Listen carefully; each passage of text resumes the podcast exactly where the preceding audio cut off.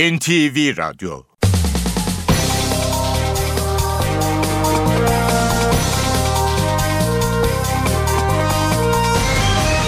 İşe Giderken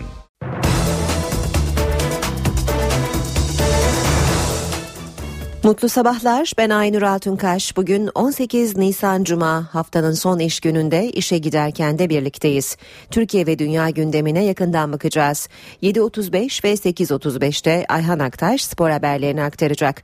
Gündemin başlıklarıyla başlayalım. Gelibolu'daki 18. Piyade Mekanize Tugayı'da eğitim atışı sırasında patlama meydana geldi. 17 asker yaralandı. MIT'in 30 yıllık yasası değiştirildi. MIT terör örgütleriyle görüşebilecek, yurt dışında operasyon yapabilecek. MIT'i meclis denetleyecek. Cenevre'de yapılan toplantıda Ukrayna'daki tansiyonun düşürülmesi konusunda anlaşmaya varıldı. Güney Kore'de 475 yolcusuyla batan gemide kaybolan 271 kişiyi arama çalışmaları sürüyor. Müfettişler kaza sırasında gemiyi 3. kaptanın kullandığını açıkladı. Sayısal loto 10 numara ve şans topunun kolon ücreti bu hafta sonundan itibaren 75 kuruştan 1 liraya yükseltildi. Nobel ödüllü Kolombiyalı yazar Gabriel Garcia Marquez 87 yaşında hayatını kaybetti. İşe giderken gazetelerin gündemi.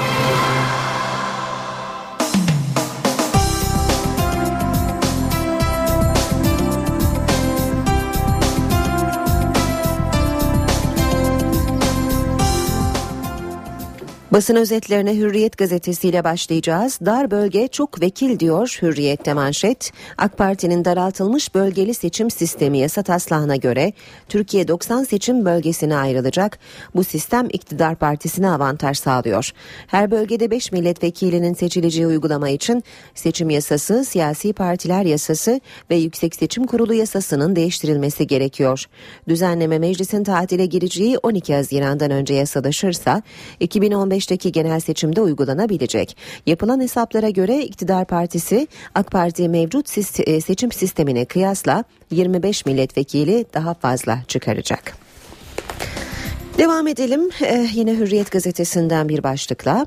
CHP lideri Kılıçdaroğlu'ndan açıklama yeni bir evrene hiç ihtiyaç yok. CHP lideri Kılıçdaroğlu Erdoğan'ın AK Partililere söylediği belirtilen 1982 anayasası Cumhurbaşkanına geniş yetkiler veriyor. Köşke çıkarsam bu yetkileri kullanırım sözlerine yanıt verdi. Yeni bir Kenan evrene ihtiyacımız yok. Dört kişiye hapis ana sınıfı öğrencisi Efe'nin okul tuvaletinde üzerine lavabo düşmesi sonucu ölümüyle ilgili ihmal davası sonuçlandı. Mahkeme 13 Mayıs 2010 günü İstanbul Maltepe Dumlupınar İlköğretim Okulu'nda yaşanan olayda sorumluluğu görülen okul müdürüne 3 yıl 4 ay, taşeron firma müdürü ve mühendisine 2 yıl 6 ay, ana sınıf öğretmenine 1 yıl 8 ay hapis cezası verdi. Umudu azalıyor. Fenerbahçe Başkanı Aziz Yıldırım'ın Yargıtay Cumhuriyet Başsavcılığına yaptığı itiraz reddedildi. Onanan hapis cezasının 2 yıl 2 aylık kalan bölümünü çekmek üzere cezaevine girmesi beklenen Aziz Yıldırım 6 ay infaz erteleme isteyebilir. Fenerbahçe Başkanlığını da bırakmak zorunda kalacak olan Yıldırım'ın son umudu Anayasa Mahkemesi. Milliyete bakalım suçum yok af istemem diyor Milliyet'te manşet yeniden cezaevine girecek olan Aziz Yıldırım suç mu işledim ki af ya da erteleme isteyeyim gider yatarım ama orada da konuşacağım. Yönetim bugün toplanıyor Fenerbahçe'de yönetim kurulu bugün acil toplanarak yeni yol haritasını belirleyecek. Kulüp tüzüğü gereği 45 gün içinde seçim gündemli olağanüstü kongreye gidilecek. Bu arada Antalya spor maçındaki kötü tezahürat nedeniyle Fenerbahçe'ye bir maç seyir seyircisiz oynama cezası verildi. Devam ediyoruz yine Milliyet gazetesinden aktarmaya moralleri bozmayın. Cumhurbaşkanı iş dünyasına seslendi. Gül iş dünyasının önümüzdeki seçimler nedeniyle telaşlanmaması gerektiğini söyledi. TÜSİAD'ın Yüksek İstişare Kurulu'nda konuşan Gül, moralinizi bozmayın, işinize koyulun dedi. Gül, yüksek gelirli ülke olmanın birinci şartının yüksek demokratik standartlar olduğunu, bunun da hukukun üstünlüğünden geçtiğini vurguladı. Büyülü kelimeler artık babasız. Nobel ödülü Kolombiyalı yazar Gabriel Garcia Marquez dün 87 yaşında Meksika'da hayatını kaybetti. Bir süredir tedavi gören ünlü yazar, gerçekçi romanları ve kısa öyküleriyle milyonlarca okurunun hayranlığını kazanmıştı. Marquez'in 1967'de kaleme aldığı 100 yıllık yalnızlık romanı tüm dünyada 50 milyondan fazla satmış ve 25'ten fazla farklı dile çevrilmişti. Sabahla devam edelim. Paralel yapının akademik üssü. Başbakanlığa sunulan raporda ve bir profesörün ifşaatında Dicle Üniversitesi için şok tespit. Paralel eğitim üyeleri burada yetiştirilip yurda dağıtılıyor diyor sabah haberinde. Son mesajlar yürekleri burktu. Anne seni çok seviyorum. Güney Kore'yi yasa boğan feribot kazasında öğrencilerin gemi batmadan önce ailelerine yazdığı kısa mesajlar tüm ülkeyi ağlattı. Bir öğrenci annesine henüz imkanım varken yazmak istiyorum seni seviyorum yazdı. Başka bir mesajsa trajediyi özetler gibi her yer karanlık. Cumhuriyet gazetesine bakalım Türkiye'ye kelepçe diyor Cumhuriyet manşetinde ülkeyi istihbarat rejimine dönüştürecek ve yeni yeşiller yaratacak olan MIT yasası geçti. MIT'e ucu açık yetki veren, yargıyı devre dışı bırakan, basını ve toplumu susturmaya amaçlayan, kişilerin özel hayatını tehdit eden yasa mecliste kabul edildi. Muhalefetin MIT parti istihbarat örgütüne dönüşecek, yeni yeşiller yaratılacak, faili meçhuller hortlayacak diye karşı çıktığı yasa eleştirilemez hale getirilen edilen yolsuzluk ve rüşvet gibi suçları MIT'in koruması altına aldı. MIT ankesörlü telefonları bile dinleyecek. MIT'in mecliste oluşturulacak komisyon tarafından denetlenmesine ilişkin önerge Başbakan Yardımcısı Atalay'la AKP grup yönetimi arasında kriz yarattı. Erdoğan'ın devreye girmesiyle kriz aşılırken Atalay'ın verdiği önergeyle önergeye AKP'liler imza vermedi. Muhalefet devlet sırrı niteliğindeki belgeler komisyona sunulamayacağı için denetim göstermelik kalacak eleştirisi yöneltti. Devam ediyoruz. Ee, gazetelere Radikal gazetesine bakacağız şimdi. 33 köylü öldü, hatırlayan yok. Şırnak'ta 1994'te iki köy bombalandı, 38 kişi öldü. Katliama zaman aşımı nedeniyle takipsizlik verildi. 20 yıllık süreçte yaşananlar tam bir skandal. İsmail Saymaz'ın haberini görüyoruz manşette Radikal'de. Star gazetesine bakacağız. Telekulakta şeytan üçgeni diyor Star manşette. Paralel yapıyı deşifre eden ve örgütün kara kutusunu istihbarat, terör ve TMK olarak işaret eden Hanefi Avcı'nın tespiti Adana'daki telekulak soruşturmasında gün yüzüne çıktı. Haliç'te yaşayan Simonlar kitabıyla paralel örgütü ele verdiği için tutuklanan eski emniyet müdürü Hanefi Avcı'nın anlattığı çete modeli birebir Adana'da uygulandı. Telekulak soruşturmasını yürüten yürüten Başsavcı Vekili Ali Doğan, dinlemeler istihbarat ve terör birimlerinin terör, terörle mücadele kanununun 10. maddesiyle görevli mahkemelerin işbirliğiyle yapıldı dedi. Suriyeli Ömer duygulandırdı. 23 Nisan kutlamaları için Türkiye'ye gelen çocuklarla buluşan Başbakan Erdoğan, iç savaştan Nizip'teki konteyner kente sığınan 6,5 yaşındaki Suriyeli Ömer Nakşibendi'nin okuduğu İstiklal Marşı'yla duygulandı. Ömer'i yanaklarından öpen Başbakan, Suriyeli ama İstiklal Marşı'nı bizden iyi okuyor dedi. Haber Türkiye bakacağız şimdi de. TÜSİAD'da tek başına diyor Habertürk manşette Erdoğan ve hiçbir bakan TÜSİAD toplantısına gitmedi. Devletin zirvesinden sadece Gül vardı.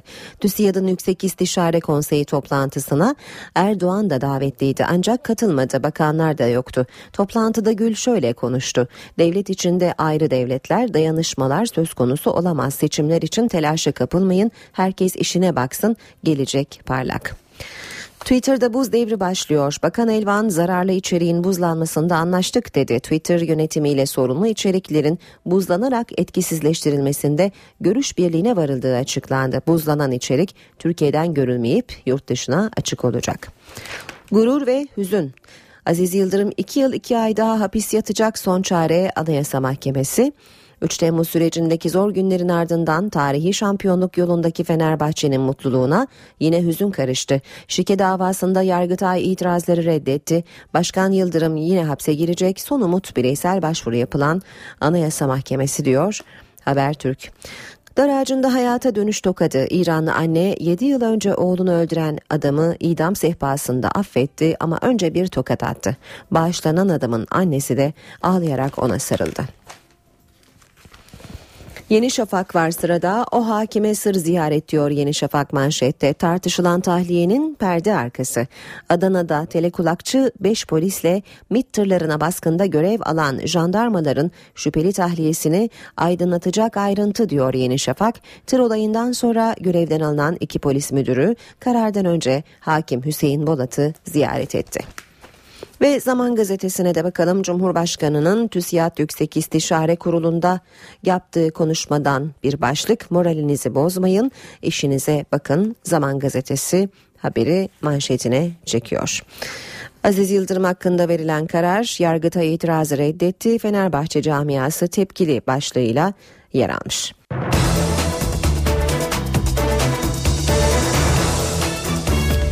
Saat 7.17 gündemin ayrıntılarına bakmaya başlayalım işe giderken de. Çanakkale'nin Gelibolu ilçesinde 18. Piyade Mekanize Tugayı'nda eğitim atışı sırasında patlama meydana geldi. 17 asker yaralandı. Yaralıların sağlık durumu iyi. Eğitim atışı sırasında patlama oldu. 17 asker yaralandı. Patlama akşam saatlerinde Çanakkale'nin Gelibolu ilçesindeki 18. Piyade Mekanize Tugayı'nda meydana geldi. Tank mermisinin iki parçasından biri teknik bir arızadan dolayı yakına düştü. Aralarında rütbelilerin de bulunduğu 17 asker yaralandı. Vali Ahmet Çınar askeri yetkililerden bilgi aldı. Yaralı askerleri hastanede ziyaret etti. 17 yaralımız değişik hastanelerde. Ancak bu değişik hastane deyimi tomografi çekilmeye ihtiyaç duyulan şüphelenilen durumlar için Çanakkale Devlet Hastanemize getirilen personel, askeri personel var. Herkesin durumu iyi. Bunların büyük çoğunluğu hiçbir parça, parça tesiri vesaire etkilenmeyen, sadece e, sesten etkilenen, bu yüzden müşahede altında tutulmasına ihtiyaç duyulan e, askeri personel. Diğerlerinde ufak tefek e, yaralanmaları e, var. Herkes iyi. Birçoğu kendi görevine dönebilecek seviyede sağlıktalar. 30 yıllık MIT yasası değişti. Milli İstihbarat Teşkilatı'na yeni yetkiler veren kanun teklifi meclisten geçti. Teklife eklenen bir önergeyle MIT'i, ta- MIT'i tarihinde ilk defa meclis denetleyecek. MIT, terör örgütleri dahil olmak üzere milli güvenliği tehdit eden bütün yapılarla irtibat kurabilecek. Yurt dışında operasyon yapabilecek. MIT ile ilgili ihbarlarda savcı ilk önce MIT'e danışacak. Eğer konu MIT'in göreviyle ilgili ise adli yönden hiçbir işlem yapılamayacak. MIT ile ilgili isimsiz, imzasız, takma adla yapılan ihbarlar işleme konulmayacak. Milli İstihbarat Teşkilatı'nın 30 yıllık yasası değişti. Mecliste kabul edilen kanun teklifiyle MIT'e ilk kez meclis denetimi de getirildi. Artık MIT, jandarma istihbaratı, emniyet istihbaratı ve mali suçları inceleyen MASAK meclis tarafından denetlenecek. Mecliste Güvenlik ve İstihbarat Komisyonu kurulacak. 17 üyeden oluşan komisyona partiler oy oranlarına göre üye verecek. Komisyon çalışmaları gizli yapılacak. MIT cezaevindeki terör örgütü mensuplarıyla görüştürülebilir maddesiyle artık İmralı görüşmeleri yasal zeminde yürütülecek. Teklifteki MIT Bakanlar Kurulu'nun verdiği her türlü görevi yapar ifadesi de verilen görevleri yapar şeklinde değiştirildi. MIT müsteşarı hakkında soruşturma iznini başbakan verecek. Yeni yasayla bu karara itiraz Cumhurbaşkanı'na yapılacak. Soruşturma için bir komisyon oluşturulacak. Yargılama yeri de Yargıtay olacak. Bakanlar Kurulu'nun MIT'e verdiği her türlü görev ifadesi de verilen önergeyle tekliften çıkarıldı. MIT mensupları ve ailelerinin kimliklerini herhangi bir yolla ifşa edenler 3 yıldan 7 yıla kadar hapis cezasına çarptırılacak. MIT'te görev alan ya da alacak kişiler yalan makinesi testinden geçirilebilecek. Cumhurbaşkanı Abdullah Gül dün iş dünyasına konuk oldu. TÜSİAD Yüksek İstişare Konseyi toplantısına katılan Cumhurbaşkanı mesajlarını son günlerdeki gelişmeler üzerinden verdi. Moralinizi bozmayın diyen Gül, herkes işine gücüne baksın dedi. Cumhurbaşkanı devlet içinde ayrı oluşumlara izin verilmeyeceğine de dikkat çekti. Sizler moralinizi hiç bozmayın. Herkesin işine ve gücüne bakması gerekir. Önümüzde Cumhurbaşkanlığı seçimleri, diğer seçimler var diye telaşa da hiç kapılmamak lazım. Nihayette her şeyin kuralları da belli. Türkiye seçim döneminden geçti. Seçim döneminin ne kadar sert olduğunu ve ne kadar biraz gergin olduğunu hep beraber yaşadık. Ama şunu da unutmayın, Türk siyasi geleneği maalesef böyle. Ben inanıyorum ki önümüzdeki yıllarda ileride bunlar da değişecektir. Tabii ki devlet sistemi içerisinde anayasa, kanunlar bağlayıcıdır. Devlet sistemi içerisinde ayrı devletler, ayrı oluşumlar, referanslarını başka yerlerden alan dayanışmalar kesinlikle söz konusu olamaz. İş dünyasından da siyasetçilere mesaj vardı. TÜSİAD Başkanı Muharrem Yılmaz, bizi siyaset yapıyorlar diye eleştiriyorlar. Siyaset yapmıyoruz, demokrasiyi konuşuyoruz dedi. Yılmaz'ın siyasette üslup ve hukukun üstünlüğü konularında da uyarıları oldu. Çok siyaset konuşuyorsunuz diyorlar. Biz siyaset için siyaset yapmıyoruz. Demokrasiyi konuşuyoruz. TÜSİAD Başkanı Muharrem Yılmaz, yerel seçimler maalesef hayli yıpratıcı geçti. Önümüzdeki dönemi de böyle geçirirsek demokrasimizi geliştirme konusunu tartışmaya toplumca mecalimiz kalmayacak korkusundayım. Biz olmamız için de vazgeçilmezdir hukuk. Yavaş demokratikleşmenin ekonomik büyümesi de yavaş oluyor. Cumhurbaşkanlığı seçimi konusunda hem hükümet kanadından hem de muhalefetten yeni açıklamalar geldi. Başbakan yardımcısı Bülent Arınç, Cumhurbaşkanı Gül ve Başbakan Erdoğan'ın açıklamalarının süreci kolaylaştıracağını söyledi. Cumhurbaşkanlığı adaylığı konusunda isimleri geçen çok değerli insanların hem ülkemizi rahatlatacak hem süreci kolaylaştıracak hem de aradaki arkadaşlık hukukunu, dostluğu, kardeşliği muhafaza edecek konuşmalarına şahit oluyoruz. Dilerim ki başka unsurlar devreye girerek Türkiye'nin ekonomisini sarsacak bir belirsizlik ortamına yol ve imkan vermemiş olsunlar. Muhalefet ise Başbakan Erdoğan'ın adaylığına karşı çıkıyor. CHP lideri Kemal Kılıçdaroğlu yeni bir Kenan Evren'e ihtiyacımız yok derken MHP lideri Bahçeli de Erdoğan Cumhurbaşkanı olmamalı görüşünü tekrarladı. Elbette kimse cebinde görmemeli Cumhurbaşkanları. Sonunda e, halkın kararı e, olacak ve hepimiz halkın kararına saygı duyacağız. Yeni bir Kenan Evren'e ihtiyacımız yok arkadaşlar. Aceleci olan Sayın Recep Tayyip Erdoğan'dır. Milliyetçi Hareket Partisi Türkiye'de Cumhurbaşkanı olmaması gereken tek kişinin Recep Tayyip Erdoğan olduğunu ifade etmiştir. Sayın Recep Tayyip Erdoğan Cumhurbaşkanı hayaliyle yaşamaktadır. Olduğu takdirde yasa dışı yetki kullanmaya da şimdiden heveslidir. Cumhuriyet Halk Partisi dershane düzenlemesinin bazı maddelerinin iptali için bugün Anayasa Mahkemesi'ne başvuracak. CHP başvurusunda dershane düzenlemesinin özel teşebbüs özgürlüğüne aykırı olduğu gerekçesiyle iptalini isteyecek. CHP'nin önümüzdeki günlerde demokratikleşme paketi, askerlik kanunu ve MIT düzenlemesini de Anayasa Mahkemesi'ne götürmesi bekleniyor. Twitter'da sahte hesaplar kapatılacak, zararlı içeriklerse buzlanarak etkisiz hale getirilecek. Bu kararlar Twitter temsilcileriyle BTK ve TİB yetkilileri arasında yürütülen toplantılarda alındı.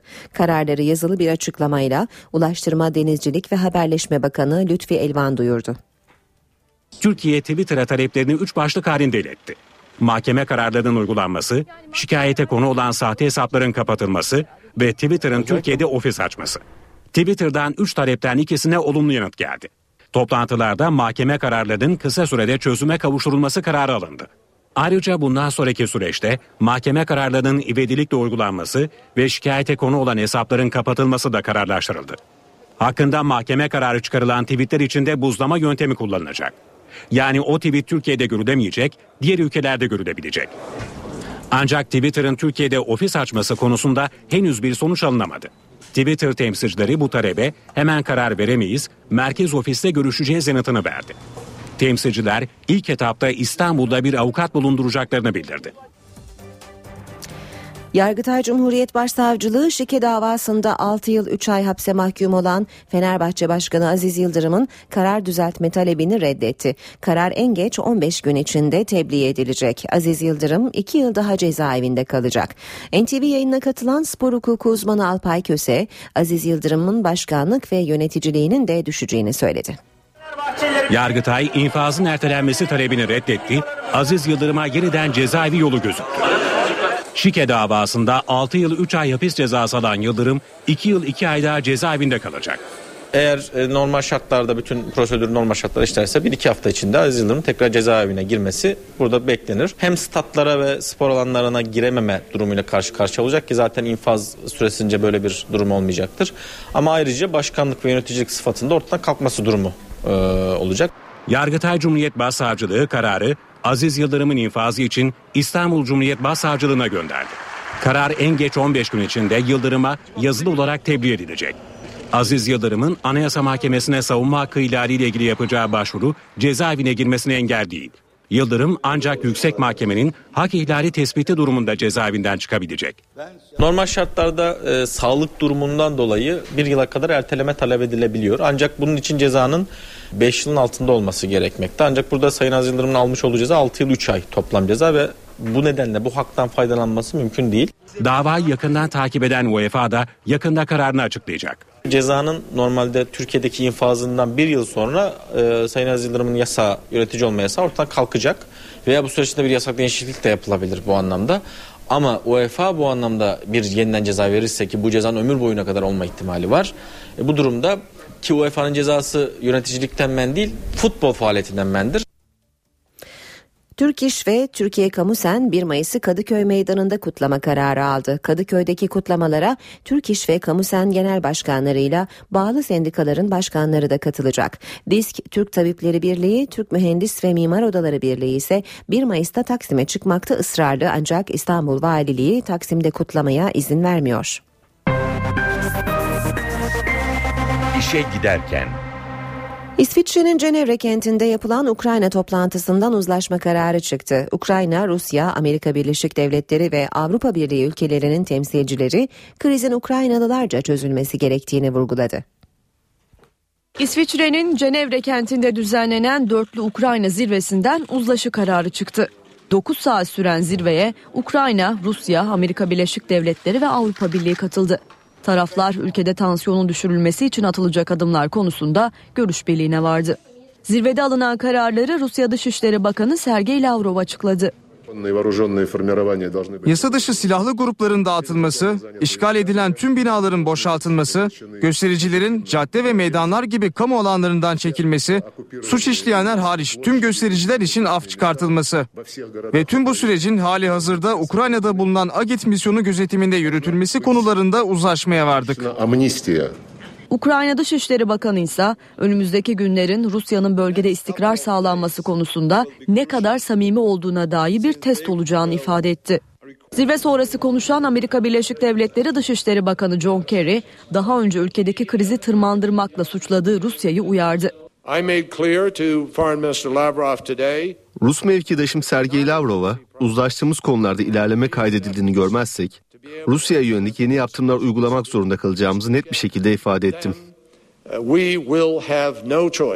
Cenevre'de alınan kararların uygulanmasını umut ettiğini belirten Amerika Birleşik Devletleri Başkanı Barack Obama ise Rusya'nın samimiyeti konusunda haklı şüpheleri olduğunu söyledi. Barack Obama Rusya'nın yükümlülüklerini yerine getirmemesi halinde uygulanacak yeni yaptırımlara ilişkin çalışmalarının sürdüğünü de sözlerine ekledi. Başbakan Erdoğan Rusya Devlet Başkanı Vladimir Putin'le telefonda Ukrayna'da yaşananları konuştu. E, Erdoğan'ın Putin'e Ukrayna'da yaşanan krizden Kırım'daki Tatar Türklerinin zarar görmemesine büyük önem verdiklerini belirttiği öğrenildi.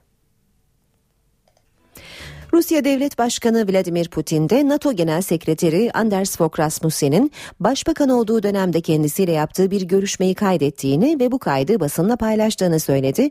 Putin, Rasmussen Danimarka'da başbakan olduğu dönemde yaptığımız özel konuşmalarımızı gizlice kayda almış sonra da basında yayınlandı. Kulaklarıma inanamadım dedi. Rasmussen'in şu anda genel sekreteri olduğu NATO ise Putin'in açıklamasını yayınla, yalanladığı tamamen saçmalık dedi. Gelibolu'daki 18. Piyade Mekanize Tugayı'da eğitim atışı sırasında patlama meydana geldi. 17 asker yaralandı. MIT'in 30 yıllık yasası değiştirildi. MIT terör örgütleriyle görüşebilecek, yurt dışında operasyon yapabilecek. MIT'i meclis denetleyecek. Cenevre'de yapılan toplantıda Ukrayna'daki tansiyonun düşürülmesi konusunda anlaşmaya varıldı.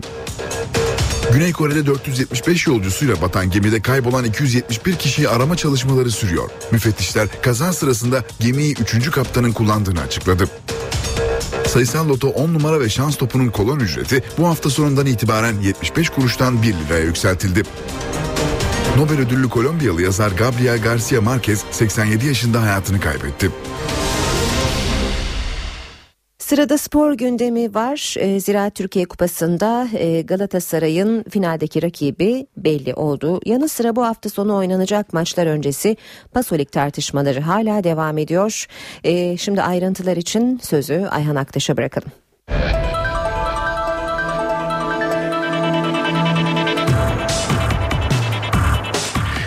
Günaydın. Fenerbahçe Başkanı Aziz Yıldırım'ın yeniden cezaevine girmesi gündemde. Yıldırım'ın şike davasını aldığı ve Yargıtay'ın onadığı cezasına yaptığı itirazı reddedildi.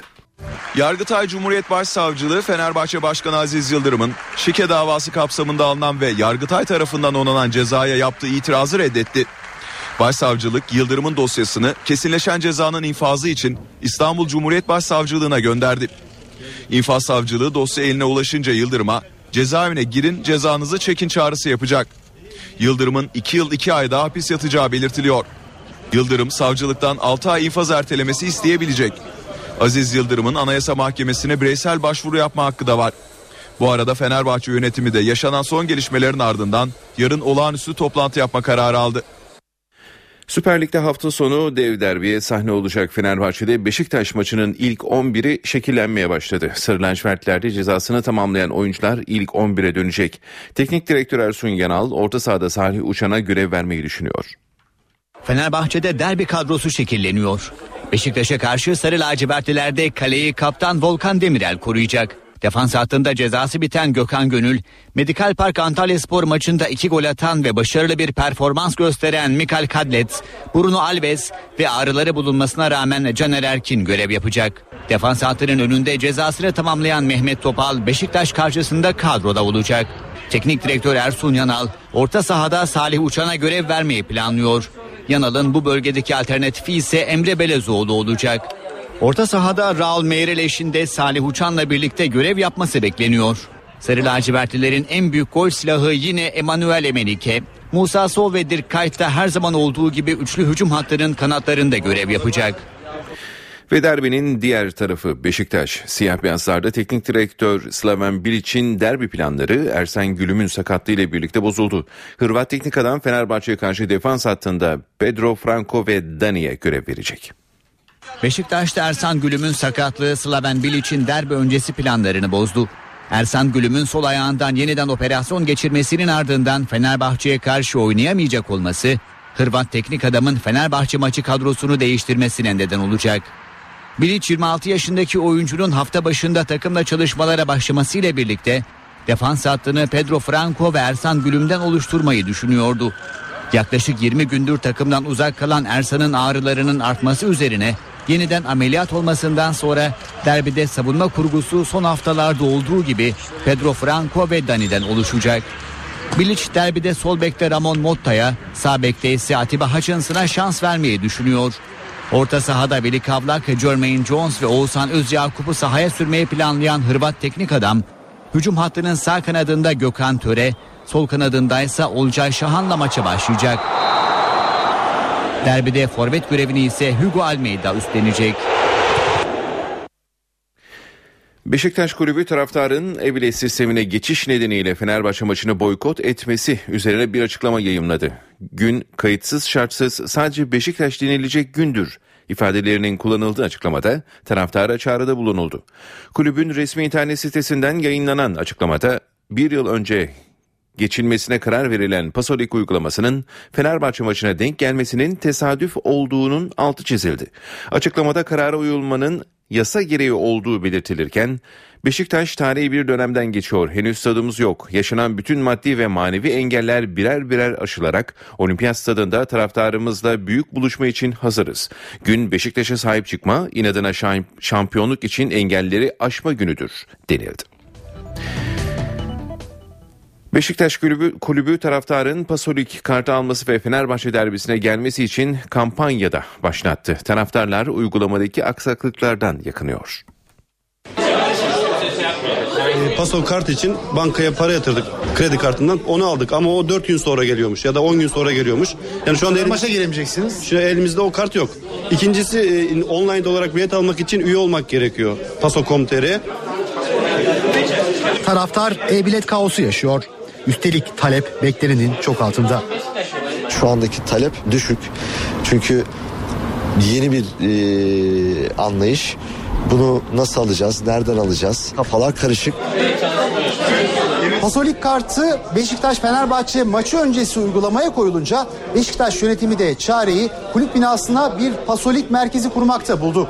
Buraya gelen taraftarlar gerekli prosedürün ardından pasolik kartlarını buradan alabiliyorlar. Taraftarlar der ki ama bu sıkıntı kombine kart sahipleri için geçerli değil. Kombine kartı olan taraftarımız bu sezon sonuna kadarki iç saha maçlarımızda pasolik kart almak zorunda değil. Yani kombine kartıyla içeriye girebilecek.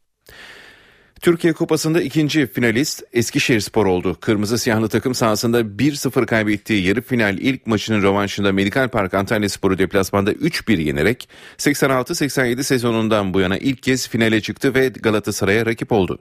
Antalya'daki maçta ev sahibi takım 45. dakikada Lamin Diarra'nın golüyle ilk yarıyı 1-0 önde kapattı. Eskişehirspor 51. dakikada Emre Güngör'ün kendi kalesine gönderdiği topla eşitliği sağladı. 61. dakikada Diomansi Kamara kırmızı siyahlı takımı 2-1 öne geçirdi. Maçın sonucunu belirleyen gol ise 74. dakikada geldi. Necati Ateş topu filelere gönderdi ve durumu 3-1 yaptı. Son finalinin 86-87 sezonunda Gençler Birliği ile oynayan ve kaybeden Eskişehirspor 27 yıl aradan sonra adını finale yazdırmış oldu. Eskişehirspor ile Galatasaray arasındaki final 7 Mayıs'ta oynanacak. Maçın oynanacağı stadı Futbol Federasyonu daha sonra açıklayacak. Spor Toto Süper Lig'de Fenerbahçe Beşiktaş derbisinin oynanacağı 30. hafta bugün başlıyor. Haftanın programını hemen aktaralım. Bugün saat 20'de açılış maçı Kayseri'de oynanacak. Kayseri Erciyesspor Trabzonspor'u konuk edecek. Cumartesi programında 4 karşılaşma var. Saat 13.30'da Gaziantep Spor Gençler Birliği ile saat 16'da Akisar Belediyespor Kayseri Spor'la saat 19'da ise Galatasaray Kasımpaşa ile Bursa Spor Elazığ Spor'la karşılaşacak. Saat 19'daki Galatasaray Kasımpaşa Karşılaşması Galatasaray'ın cezası nedeniyle sadece kadın ve çocuk taraftarlar tarafından izlenilebilecek. Bunu hemen belirtelim. Pazar programında iki maç var. Saat 13.30'da Çaykur Rizespor, Torku Konyaspor'u konuk edecek. Diğer maçsa haftanın en önemli maçı derbi mücadelesi. Saat 19'da Beşiktaş'la Fenerbahçe arasında Olimpiyat Stadında oynanacak. Haftanın perdesi 21 Nisan Pazartesi günü oynanacak iki maçla kapanacak. Saat 20'de başlayacak bu mücadeleler. Medikal Park Antalya Spor, Sivas Sporu, Karabükspor'da Eskişehirspor'u konuk edecek. Süper Lig'in 30. haftasında Trabzonspor Kayseri Erciyespor'u Er Erciyespor'a konuk olacak az önce belirttik. Bordo Maviller deplasmanda oynayacakları maça 7 eksikle gitti. Ev sahibi Erciyespor'da maça iki önemli oyuncusundan yoksun çıkacak. Süper Lig'de UEFA Avrupa Ligi'ne katılma mücadelesi veren Trabzonspor 30. hafta maçında Kayseri Erciyespor'a konuk olacak. Kümede kalmak için son kozlarını oynayan Erciyes deplasmanında Bordo Mavili takım 7 önemli isminden yoksun mücadele edecek. Bordo Mavili takımın Kayseri'ye giden kafilesinde Kolman ve Zokora kadro dışı bırakıldıkları için yer almadı. Sakatlıkları bulunan Özer Hurmacı, Solbamba ile cezalı Aykut Demir de Kayseri'ye götürülmedi. Teknik sorumlu Hami Mandıralı uzun bir aradan sonra takımla çalışmalara başlayan Floren Maluda'yı hazır olmadığı, Mark Yanko'yu da performansını yeterli görmediği için kadroya almadı. Özel uçakta Kayseri'ye giden Trabzonspor kafilesinde kulüp başkanı İbrahim Hacı Osmanoğlu da yer aldı. Bordo Mavili takımı az sayıda taraftar karşıladı. Kümede kalma mücadelesi veren Kayseri Erciyespor'da Yasin Öztekin hem kart cezası hem de sakatlığı dolayısıyla forma giyemeyecek. Sakatlığı süren defans oyuncusu Numan Çürüksu da takımdaki yerini alamayacak. Mavi siyahlı takım karşılaşmanın hazırlıklarını tamamlarken teknik direktör Hikmet Karaman taraftara çağrıda bulundu. Karaman ligde kalma hedefine ulaşmak için desteğe ihtiyaç duyduklarını belirterek tribünlerin dolmasını istedi. Kayseri Erciyespor'la Trabzonspor arasındaki puan mücadelesi saat 20'de başlayacak ve Hüseyin Göçek tarafından yönetilecek. Bursa Spor Kulübü Başkanı Erkan Körüstan, sezon başından bir hakem hataları nedeniyle canlarının birçok kez yandığını söyledi. Körüstan, kulüp televizyonundan sert açıklamalar yaptı. Bursa Spor'un Ziraat Türkiye Kupası rövanş maçında Galatasaray'a 5-2 yenilerek elenmesine yeşil beyazlı kanattan tepkiler sürüyor. Kulüp Başkanı Erkan Körüstan, Bursa Spor TV'de yaptığı açıklamalarda Futbol Federasyonu'na tepki gösterdi. Küristan biz tertemiz şampiyon olduk. O günden sonra ne oldu? Beğenmediler. Tertemiz şampiyonluk Türk futboluna yakışmıyor. Bize şaibeliler lazım dediler. Tamam Fenerbahçe şampiyon olacak. Galatasaray kupayı alsın. Beşiktaş'ta ikinci veya üçüncü olur. Diğer 15 takım figüranlık yapsın. Biz daha maça çıkmadan Galatasaray'ın finale çıkacağı karar verilmiş iddiasında bulundu. Erkan Körüstan Bursa Spor taraftarının kutlanması gerektiğini de dile getirirken ben seyirciye de hayret ediyorum. O sahaya nasıl girmediler? Bizim gibi sakin insanlar çıldırdıktan sonra o insanları tebrik etmek gerekiyor dedi. Başkan Köristan Bursa Spor'un aslında iki şampiyonluğu olduğunu iddia ederken Trabzonspor bağırıyor kupa bizim diye. Ama o kupa da bizim. Herkes kendine baksın. Üçüncü bitirdiğimiz sezondu diye konuştu. Ve basketbolla bültenimizi tamamlayalım. Basketbol liginde 27. hafta bugün oynanacak. Ali Apetkim Beşiktaş İntegral Forex maçıyla başlayacak. Programı aktaralım. Ali Apetkim ile Beşiktaş arasındaki mücadele saat 18'de başlayacak. Haftanın açılış maçı. Yarının programında 4 mücadele var. Saat 16'da başlayacak bütün maçlar. Fenerbahçe Ülker, Trabzon Medikal Park'la Royal Halı Gaziantep Pınar Karşıyaka'yla Türk Telekom Mersin Büyükşehir Belediye ile Torku Konya Selçuk Üniversitesi Aykon TET Ankara Kolejilerle karşı karşıya geliyor. Pazar programında iki maç var. Saat 16'da başlıyor yine bu maçlar. Banvit Olin Edirne'yi Tofaş'ta Anadolu Efes'i konuk edecek. Öte yandan Euroleague'de ülkemizi temsil eden Galatasaraylı Hospital'ın bu hafta Uşak Sportif'le oynayacağı müsabaka ileri bir tarihe ertelendi. Bu haberimizde spor bültenimizi tamamlıyoruz. İyi günler diliyoruz. NTV Radyo. Günaydın herkese yeniden işe giderken de yeni saatte hava durumuyla karşılayacağız. Gökhan Abur'la konuşacağız. Az sonra önce gündemin başlıklarını hatırlatalım. Gelibolu'daki 18. Piyade Mekanize Tugayı'da eğitim atışı sırasında patlama meydana geldi. 17 asker yaralandı. MIT'in 30 yıllık yasası değiştirildi. MIT terör örgütleriyle görüşebilecek, yurt dışında operasyon yapabilecek. MIT'i meclis denetleyecek.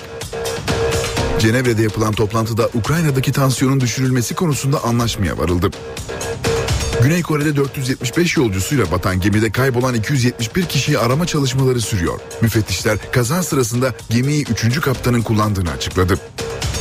Sayısal loto 10 numara ve şans topunun kolon ücreti bu hafta sonundan itibaren 75 kuruştan 1 liraya yükseltildi.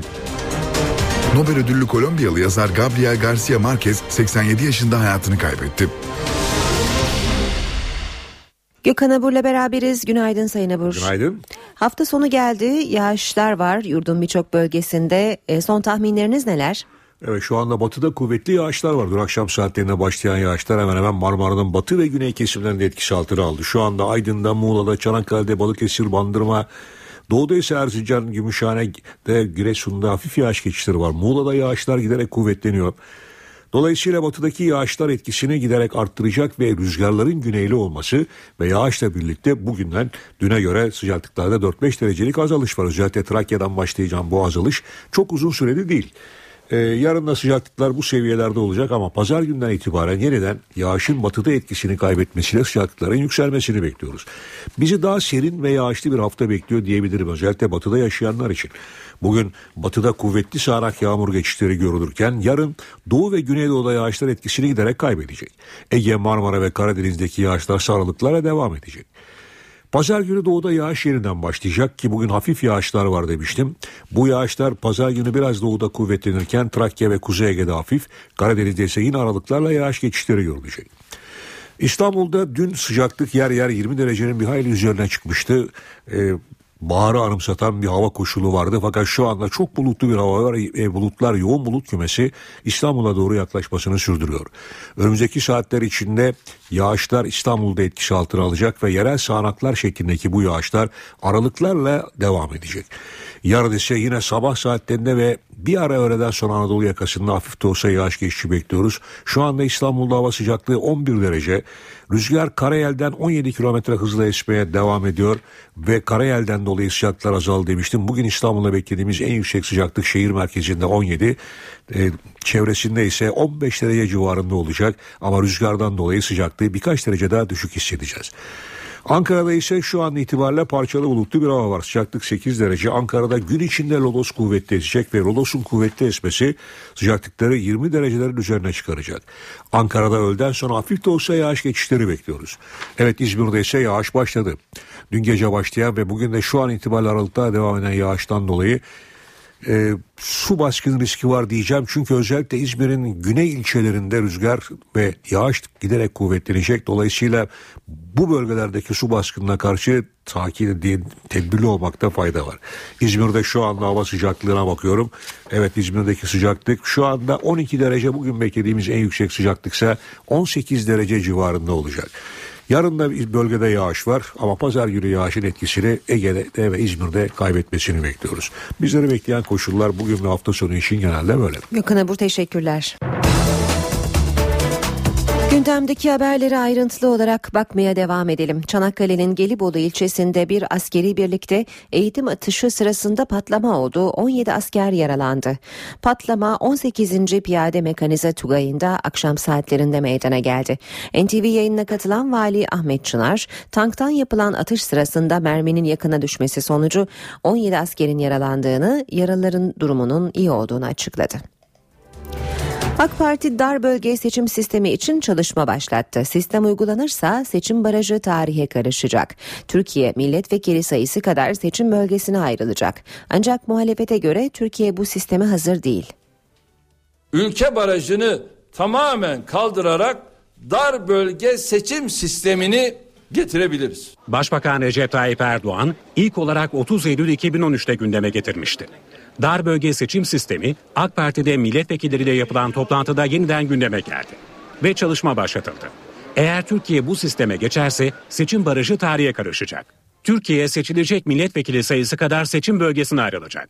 Her bölgeden en fazla oyu alan bir kişi milletvekili seçilecek. Anayasaya göre yeni seçim sistemi değişikliğinin 2015 genel seçimlerinde uygulanabilmesi için en az bir yıl önce yani en geç 2014'ün Haziran ayına kadar yürürlüğe girmesi gerekiyor.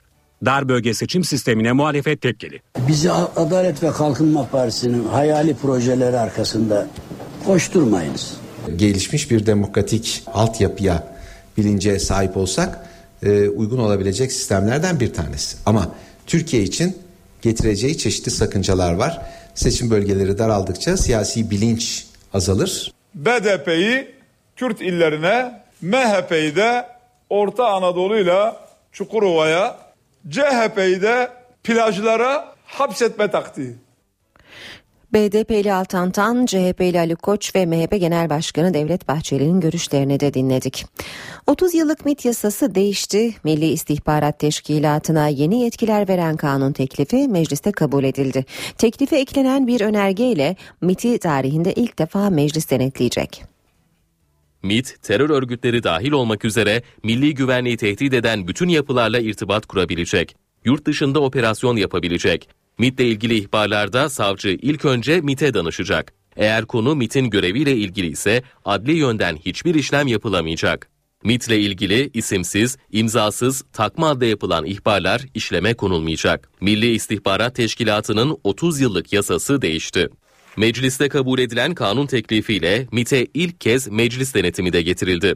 Artık MIT, jandarma istihbaratı, emniyet istihbaratı ve mali suçları inceleyen MASAK meclis tarafından denetlenecek. Mecliste Güvenlik ve İstihbarat Komisyonu kurulacak. 17 üyeden oluşan komisyona partiler oy oranlarına göre üye verecek. Komisyon çalışmaları gizli yapılacak. MIT, cezaevindeki terör örgütü mensuplarıyla görüştürülebilir maddesiyle artık İmralı görüşmeleri yasal zeminde yürütülecek.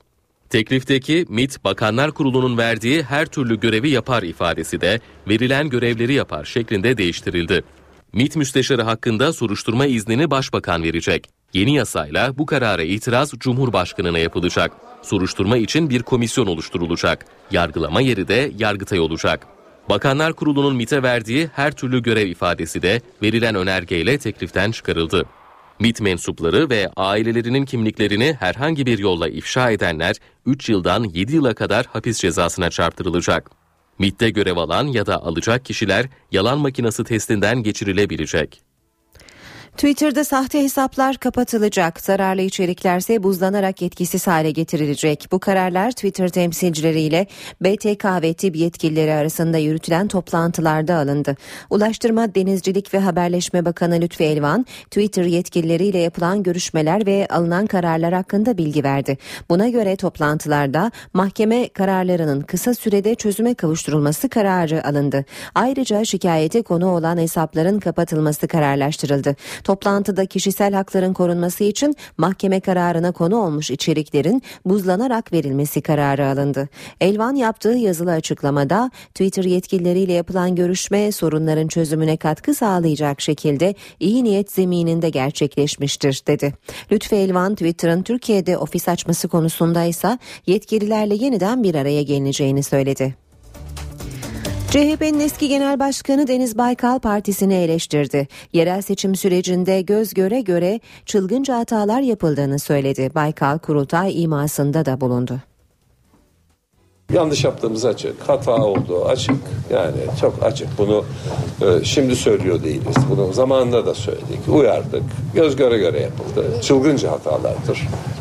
Nasıl daha iyi olur, ne yapmamız lazım, nerede ne yanlış yapıldı, hangi dersleri çıkardık? E, falan diye bakmak lazım. Bunu da böyle birbirimizi suçlamak için ya da e, kendimizi savunmak için onu bunu suçlayarak falan e, yapmamamız lazım. Gerçeği görmemiz lazım. Tazelenmeye bir yenilenmeye ihtiyaç var. O hangi yöntemle olur, ne olur, nasıl olur bilmiyorum. Kişilerin yapması lazım. Kurumların yapması lazım. İlin yapması lazım. ilçenin yapması lazım. Genel merkezin yapması lazım. Parti bu e, konularda değerlendirme bir sorgulama e, dönemini başlattı. Bir yol haritası çizilecek. Bu süreç şimdi işletiliyor. Hep beraber göreceğiz bakalım nereye gider, ne olur. Baykal'ın parti içi eleştirilerine CHP sözcüsü Haluk Koç'tan yanıt geldi. Koç eleştiri çok özel bir müessesedir ama öz eleştiri de eleştiri kadar kıymetli bir müessesedir dedi. İşe giderken 4 yıl önce okul tuvaletinde üzerine lavabo düşünce hayatını kaybeden 5,5 yaşındaki Efe Boz'la ilgili davada karar çıktı. Olayın yaşandığı İstanbul Maltepe Dumlupınar İlköğretim Okulu'nun müdürü Mustafa Katırcılar 3 yıl 4 ay hapis cezasına çarptırıldı. 8 sanıklı davada sınıf öğretmeni Gökçen Gökalp ise 1 yıl 8 ay hapis cezası aldı. Lavaboyu yerleştiren taşeron firma yetkilileri Murat Kılıç ve Yalçın Kaya ise adam öldürmeye sebebiyet vermekten 2 yıl 6 ay hapis cezası aldı. Efe'nin ailesi karara itiraz edeceklerini açıkladı. Kütahya'da işten çıkarılan yaklaşık 200 işçi şirketin yönetim binasını yakmak isteyince gerginlik çıktı. Arbede sırasında 5 kişi yaralandı. Kütahya'da bir termik santralde işten çıkarılan yaklaşık 200 kişi şirket yöneticileriyle görüşmek istedi. Ancak bina önündeki güvenlik görevlileri izin vermedi. İşçiler ısrarlı olunca görevlilerden biri havaya uyarı ateşi açtı. Bunun üzerine işçiler santraldeki bazı binaları ateşe verdi. Park halindeki araçları ters çevirip camlarını kırdı. Olaya müdahale eden polis grubu biber gazıyla dağıtmaya çalıştı. Arbede sırasında 5 kişi yaralandı. Gerginlik Seyit Ömer Belde Belediye Başkanı Halil Öztürk'ün devreye girmesiyle sona erdi. Sayısal loto 10 numara ve şans topunun kolon ücretlerine zam geldi. Zamlı tarifeler 20 Nisan'da geçerli olacak. Milli Piyango İdaresi'nden yapılan açıklamaya göre sayısal loto 10 numara ve şans topu kolon ücretleri 75 kuruştan 1 liraya yükseltildi. Süper lotonun 1 liralık kolon fiyatında ise değişikliğe gidilmedi. Şans oyunlarına en son zam 2012 yılında olmuş kolon ücreti 60 kuruştan 75 kuruşa çıkarılmıştı. İstanbul Büyükşehir Belediye Başkanı Kadir Topbaş İstanbullulara iki haber verdi. Biri otopark konusuyla ilgili, diğeri de bir park müjdesi. Her mahallede 200 metrekare ve üzeri alanlar satın alınıp katlı otoparka dönüştürülecek ve otoparktan sadece o mahallede yaşayanlar belli bir ücret karşılığı yararlanacak. Amaç mahalle aralarına park edilmiş araçların neden olduğu sorunları bitirmek. Topbaş'ın verdiği müjde ise Sarıyer'deki 1 milyon 200 bin metrekare yeşil alanın halka açık parka dönüştürülecek olması.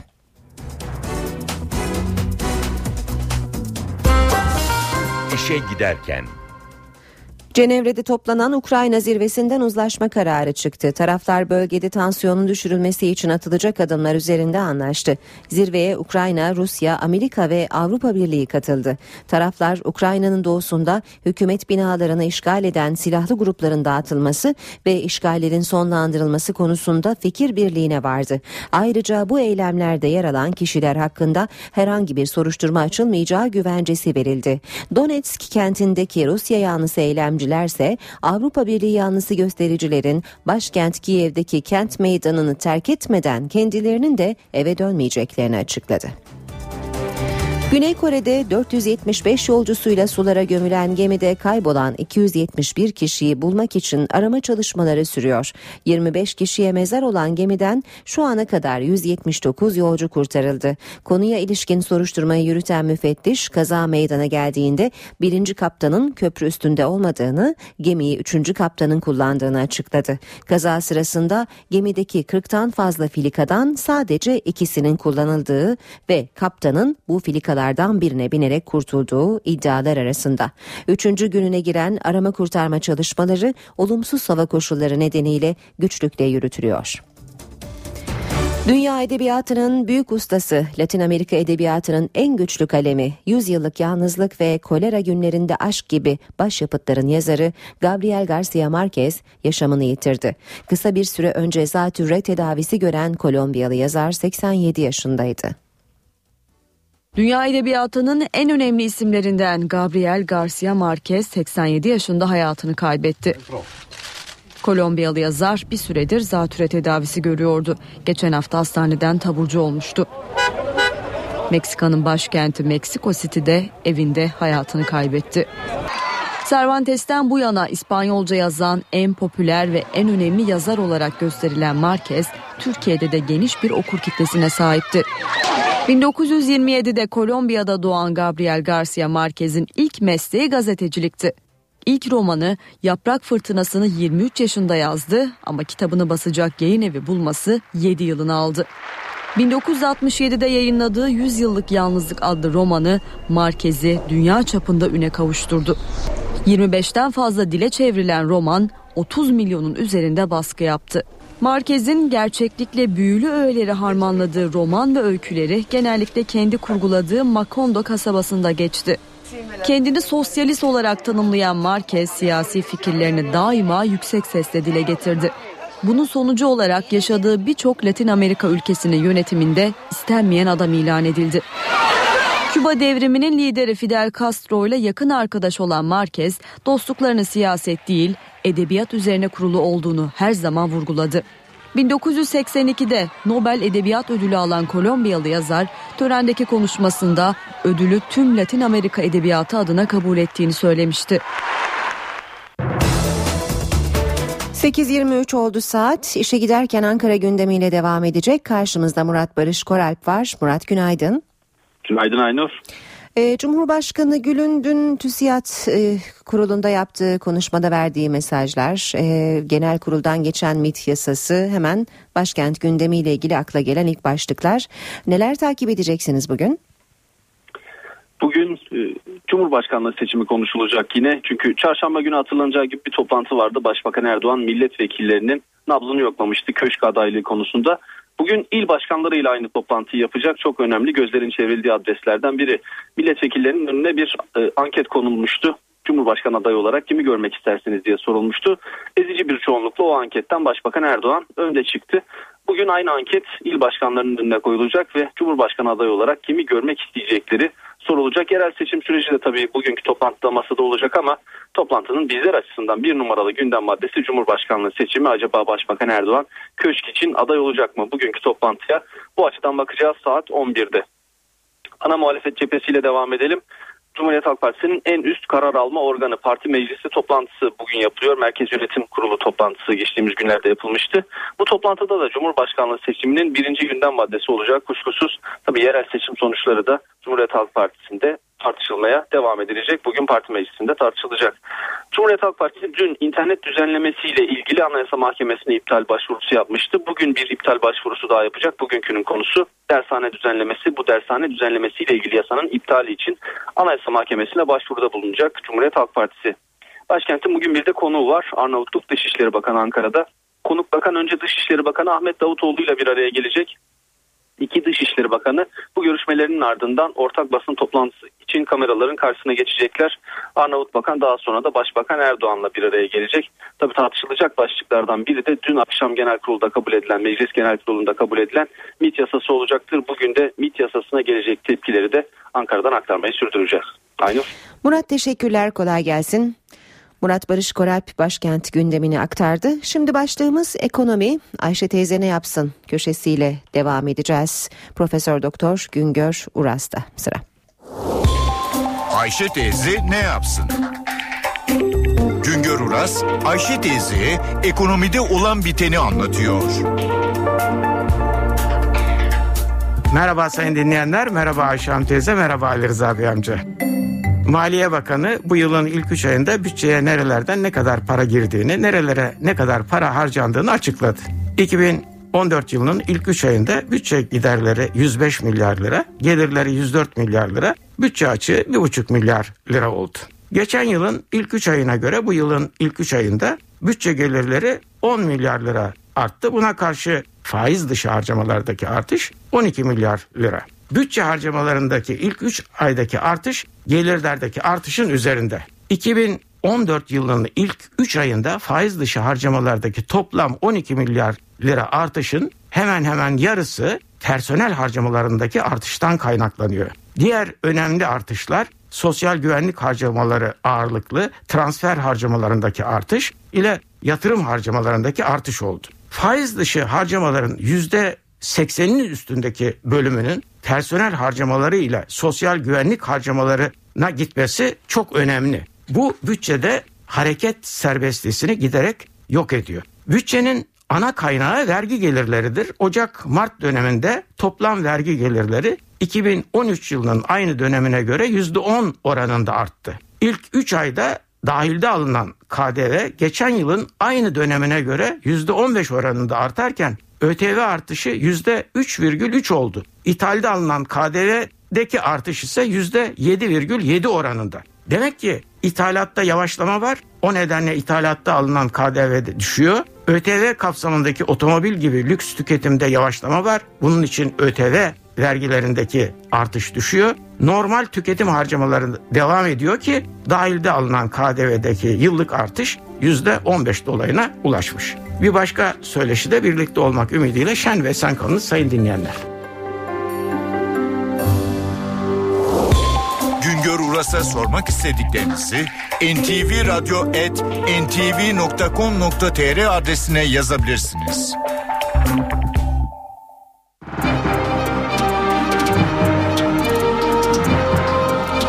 Piyasalarla devam ediyoruz. BIST 100 endeksi %1,61 oranında değer kazanarak dünü 73.561 puandan tamamladı. Bu sabah dolar 2.12, euro 2.94'te işlem görüyor. Euro dolar 1.38, dolar yen 102 düzeyinde. Altının onsu 1294 dolar, kapalı çarşıda külçe altının gramı 89, çeyrek altın 156 liradan satılıyor. Brent petrolün varili 109 dolar. NTV Radyo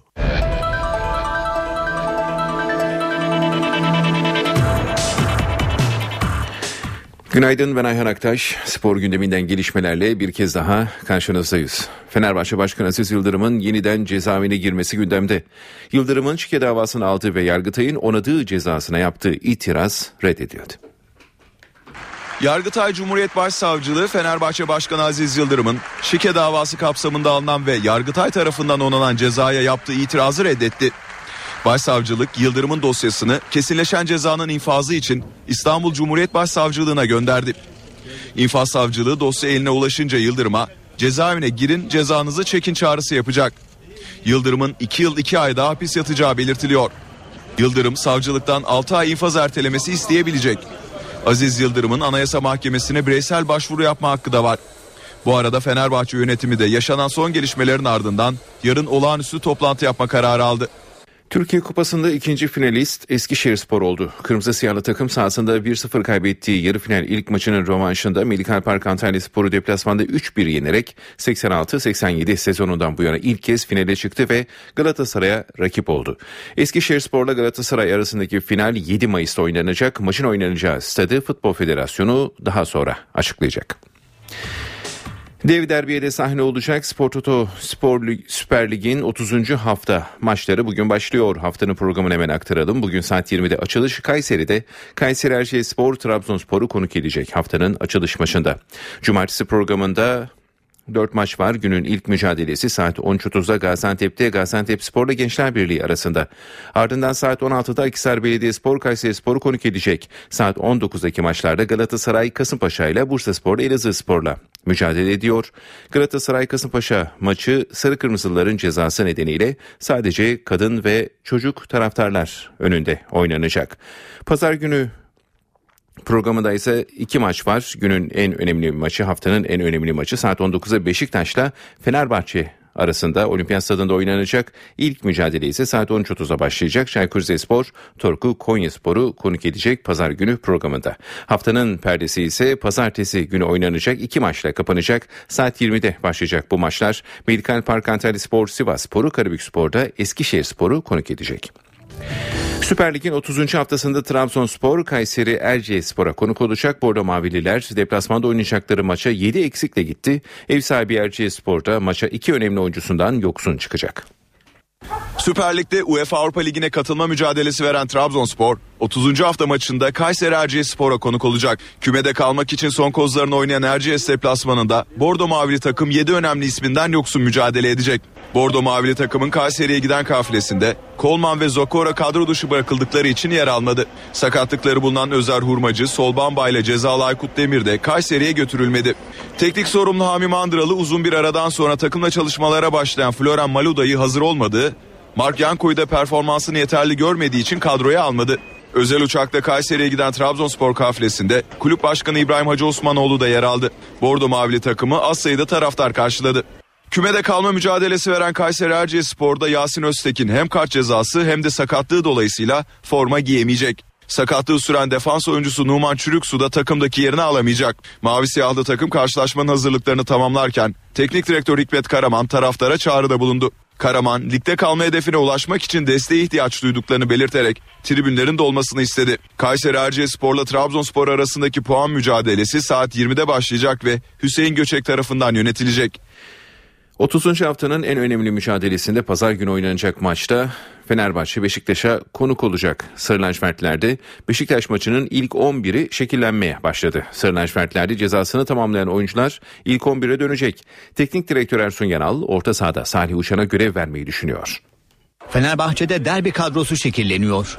Beşiktaş'a karşı Sarı lacivertlilerde kaleyi kaptan Volkan Demirel koruyacak. Defans hattında cezası biten Gökhan Gönül, Medikal Park Antalya Spor maçında iki gol atan ve başarılı bir performans gösteren Mikal Kadlet, Bruno Alves ve ağrıları bulunmasına rağmen Caner Erkin görev yapacak. Defans hattının önünde cezasını tamamlayan Mehmet Topal Beşiktaş karşısında kadroda olacak. Teknik direktör Ersun Yanal orta sahada Salih Uçan'a görev vermeyi planlıyor. Yanal'ın bu bölgedeki alternatifi ise Emre Belezoğlu olacak. Orta sahada Raul Meireles de Salih Uçan'la birlikte görev yapması bekleniyor. Sarı lacivertlilerin en büyük gol silahı yine Emanuel Emenike. Musa Sol ve Dirk Kuyt da her zaman olduğu gibi üçlü hücum hattının kanatlarında görev yapacak. Derbinin diğer tarafı ise ev sahibi Beşiktaş'ta ise teknik direktör Slaven Bilic'in derbi planları Ersen Gülüm'ün sakatlığı nedeniyle bozuldu. Hırvat teknik adam Fenerbahçe'ye karşı defans hattında Pedro Franco ve Dani'ye görev verecek. Beşiktaş'ta Ersan Gülüm'ün sakatlığı Slaven Bilic'in derbi öncesi planlarını bozdu. Ersan Gülüm'ün sol ayağından yeniden operasyon geçirmesinin ardından Fenerbahçe'ye karşı oynayamayacak olması Hırvat teknik adamın Fenerbahçe maçı kadrosunu değiştirmesine neden olacak. Bilic 26 yaşındaki oyuncunun hafta başında takımla çalışmalara başlamasıyla birlikte defans hattını Pedro Franco ve Ersan Gülüm'den oluşturmayı düşünüyordu. Yaklaşık 20 gündür takımdan uzak kalan Ersan'ın ağrılarının artması üzerine yeniden ameliyat olmasından sonra derbide savunma kurgusu son haftalarda olduğu gibi Pedro Franco ve Dani'den oluşacak. Bilic derbide sol bekte Ramon Motta'ya, sağ bekte ise Atiba Hutchinson'a şans vermeyi düşünüyor. Orta sahada Veli Kavlak, Jermaine Jones ve Oğuzhan Özyakup'u sahaya sürmeyi planlayan Hırvat teknik adam, hücum hattının sağ kanadında Gökhan Töre, sol kanadında ise Olcay Şahan'la maça başlayacak. Derbide forvet görevini ise Hugo Almeida üstlenecek. Siyah beyazlı takımın derbi öncesi tek sıkıntısı bu değil. Yeni sistem, e-bilet sistemi taraftarın maça az sayıda gelme endişesi yine Beşiktaş kulübünü kara kara düşündürüyor. Beşiktaş taraftarın Pasolik kartı alması ve Fenerbahçe derbisine gelmesi için kampanya başlattı. Taraftarlar uygulamadaki aksaklıklardan yakınıyor.